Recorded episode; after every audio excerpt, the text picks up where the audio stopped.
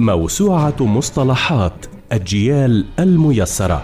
برنامج يتناول مجموعة من المصطلحات التي تأخذ حيزا كبيرا في حياتنا اليومية الاجتماعية السياسية الاقتصادية والثقافية.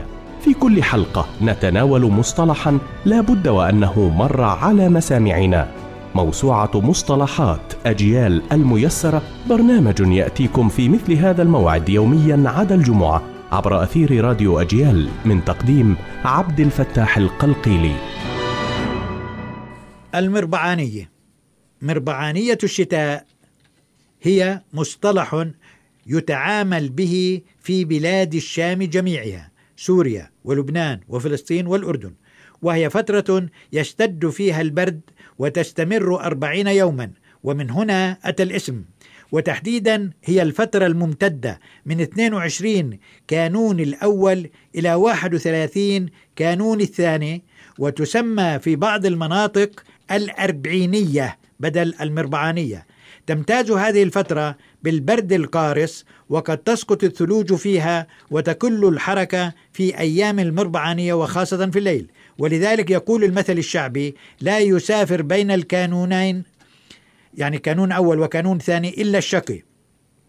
بعد المربعانية مباشرة تبدأ الخمسينية خمسين يوما وهي فترة السعود الأربعة. مفردها سعد. تبدأ مع بداية شهر شباط وهي مكونة من أربعة سعود مدة كل سعد منها 12 يوما ونصف هي على التوالي. سعد الذابح أو الذبح طبعا في ناس بيقولوا لها وسمي بسعد الذابح كناية عن شدة البرد خلاله والبعض يعتبره امتدادا للمربعانية وذلك لشدة برده. ومن المقولات الشعبية في هذا السعد هو سعد الذابح البرد جاي مش رايح.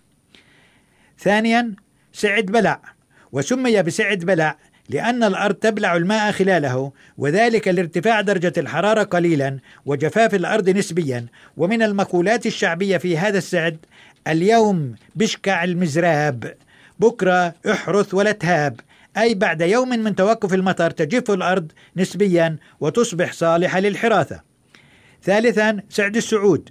وسمي كذلك لأن الناس تسعد في هذه الفترة وذلك لأن الحياة تعود للأشجار فبعضها يورق وبعضها يزهر ويظهر كذلك الربيع والأزهار البرية. ومن المقولات الشعبية في هذا السعد يقولون في سعد السعود يدور الدم في العود.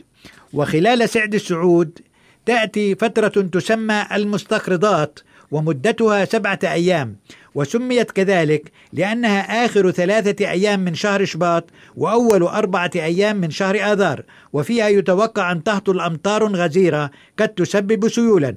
وتقول الخرافة الشعبية أن ذلك نكاية بالعجوز التي استهدرت بهذين الشهرين وراحت تغزل صوفها على سطح بيتها غير خائفة من المطر مما اضطر شباط أن يستقرض من آذار قائلا آذار يا ابن عمي أربعة منك وثلاثة مني حتى نجعل مغزل العجوز يطيح في الوادي يغني.